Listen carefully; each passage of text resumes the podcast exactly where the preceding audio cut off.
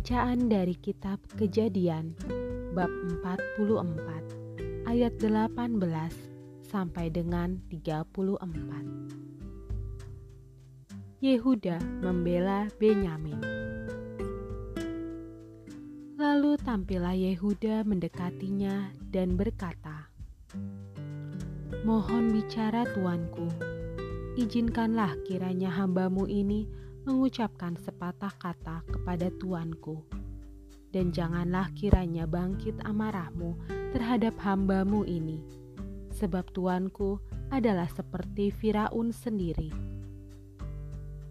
Tuanku telah bertanya kepada hamba-hambanya ini, masih adakah ayah atau saudara kamu?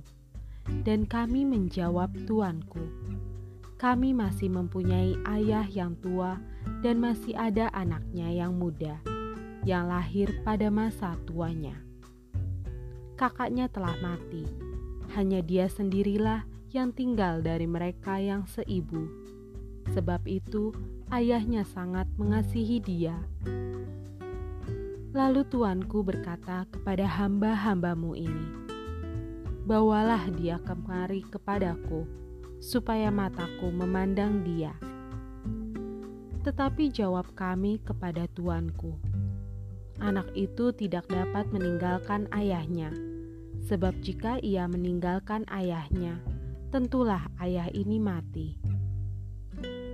Kemudian tuanku berkata kepada hamba-hambamu ini, "Jika adikmu yang bungsu itu tidak datang kemari bersama-sama dengan kamu, kamu tidak boleh melihat mukaku lagi."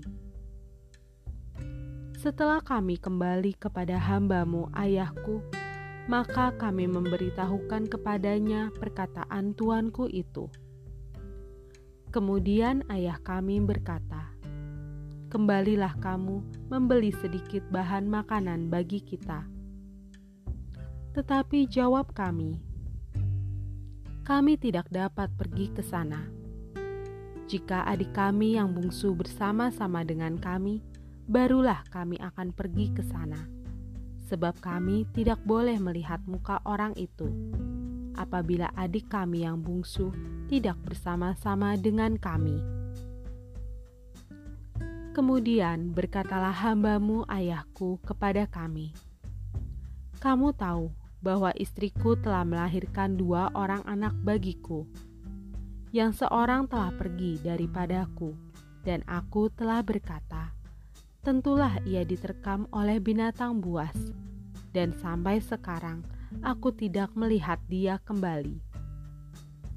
Jika anak ini kamu ambil pula daripadaku, dan ia ditimpa kecelakaan, maka tentulah kamu akan menyebabkan aku yang ubanan ini turun ke dunia orang mati karena nasib celaka. Maka sekarang apabila aku datang kepada hambamu ayahku dan tidak ada bersama-sama dengan kami anak itu, padahal ayahku tidak dapat hidup tanpa dia.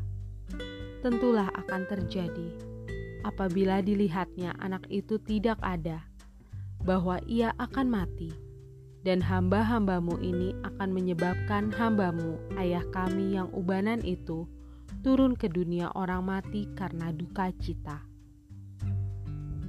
Tetapi hambamu ini telah menanggung anak itu terhadap ayahku dengan perkataan, "Jika aku tidak membawanya kembali kepada Bapa, maka akulah yang berdosa kepada Bapa untuk selama-lamanya." Oleh sebab itu, baiklah hambamu ini tinggal menjadi budak tuanku, menggantikan anak itu, dan biarlah anak itu pulang bersama-sama dengan saudara-saudaranya Sebab masakan aku pulang kepada ayahku apabila anak itu tidak bersama-sama dengan aku. Aku tidak akan sanggup melihat nasib celaka yang akan menimpa ayahku. Demikianlah sabda Tuhan. Syukur kepada Allah.